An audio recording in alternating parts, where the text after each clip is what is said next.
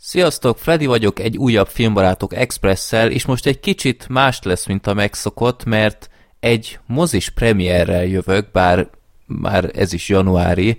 de döbbenettel vettem vissza, hogy bakker, januárban néztem amit a mozikban, amiről nem is beszéltem a podcastben. Ez azért viszonylag ritka, de akkora dömping volt itt a filmek terén január-februárban, hogy egész egyszerűen így átsiklott a film, illetve ez az alkotás sem volt akkora nagy duranás, hogy kihagyhatatlan lett volna, de most egy expressen belül bepótlom ezt az elmaradást. Nos, megnéztem januárban a Bőrömben című filmet, aminek szerintem rendkívül izgalmas története van, úgyhogy amint megtudtam, hogy miről szól ez a film, nem is volt kérdéses, hogy megnézzem, és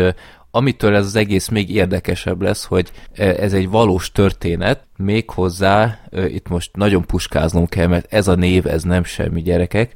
Adavel Akinoi Agbaje. Oké, okay, szerintem így névről annyira nem mond uh, senkinek semmit, azonban talán a Lostból ismerhetitek őt, mint Mr. Echo, de szerepelt már sok minden másban, a Suicide Squadban szerepelt, ne kérdezzétek, mint micsoda, nem Boomerang kapitány volt, ezt tudom, de én még emlékeztem rá a 95-ös Kongó című filmről,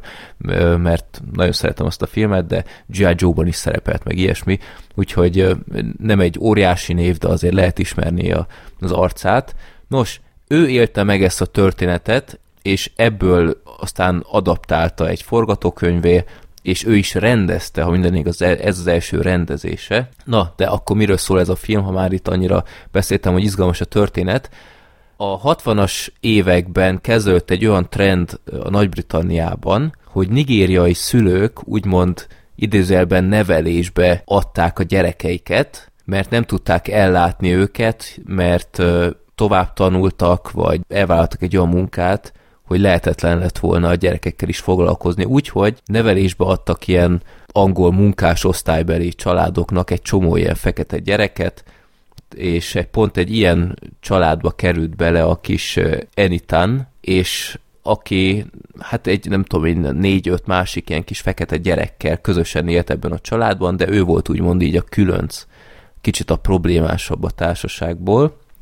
Éppen ezért a nevelő anyjával sem volt mindig felhőten a kapcsolat, akit a Kate Beckinsale alakít, nagyon jó volt újra látni, és egyébként még szerintem ő volt a legjobb az egész filmben és hát ezt láthatjuk, hogy nagyon nehéz sorsuk van ezeknek a gyerekeknek, mert a család, nevelő család nagyon ritkán fogadta be őket úgy, mint a saját lenne,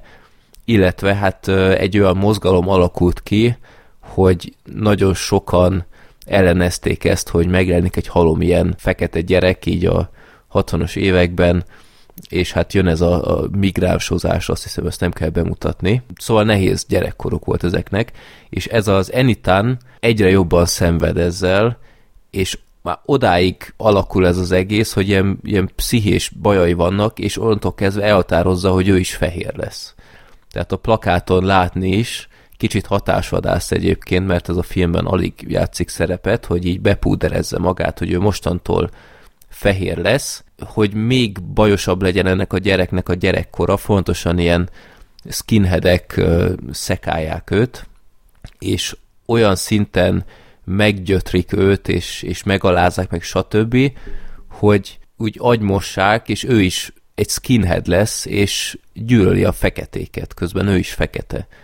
És ez a skinhead társaság is úgymond tolerálja őt, mint ilyen kis kuriózum, hogy oda nézzetek, nálunk van ez a ez a nagy erekje, hogy a fekete srác, aki feketéket gyűlöl, bár így is a társaságon belül vannak feszültségek emiatt, de ezt a filmben aztán láthatjátok. Szóval az alapszitu egy fekete gyűlölő fekete skinhead. Na hát ez egy nagyon érdekes sztori. Sajnos a film sok szempontból ezt az átváltozást, ami szerintem messze a legizgalmasabb ebben a történetben, hogy hogyan jut el valaki odáig, hogy a sajátjait gyűlölje, ez nagyon felületesen van bemutatva, tehát látni egy ilyen nagy ugrást a történetben is, kis túlzással, de így egyik pillanatról a másikra hirtelen a film azt mutatja, hogy oké, okay, ő mostantól már agymosott. És ezt a folyamatot láttam volna sokkal szívesebben, úgyhogy emiatt a film nekem egy csalódás, illetve ezek a skinheadek, ezek ilyen karikatúrák voltak, tehát én nem akarom kizárni, hogy ezek tényleg ilyen, ilyen nagyon egyszerű gondolkodásmódú emberek, de gyakorlatilag ezek a skinheadek az egész filmes semmi más nem csinálnak, csak piálnak, és esküszöm, tehát ez egy ivójáték lehetne a filmben, hogy csak a, mert ők a Tilbury Skins, ez egy ilyen csapatneve, és egész végig a filmben. Tilbury Skins, Tilbury Skins, így, így, így spanolják magukat, és csak így kiabálnak egymásnak, és mondom, oké, okay, gyerekek, felfogtuk, hogy kik vagytok, de valamit mutassatok már meg abból, hogy ti igazából miből éltek, mit csináltok egész nap, mert ebből így túl sokat nem láttunk, és éppen ezért tényleg ilyen nagyon karikaturisztikus az egész, és ezt úgy sose szeretem, hogyha ilyen nagyon a felületet kapargatja egy ilyen film, ami ráadásul egy ilyen érdekes és kényes témával foglalkozik, úgyhogy ebb szempontból nekem csalódás volt, azonban nem egy rossz film, tehát simán meg lehet nézni. A filmben vannak ilyen kulcs amik szerintem egész jól működtek, ez a főszereplő srác sem volt rossz, de többet kellett volna hozni. Tehát ez a, és most megint puskáznom kell, Adavel Akinoi Akbazsé, nem tudom, hogy nagyon érződött, hogy ő, neki ezt még gyakorolni kell, bele kell jönni, hogy milyen rendezni,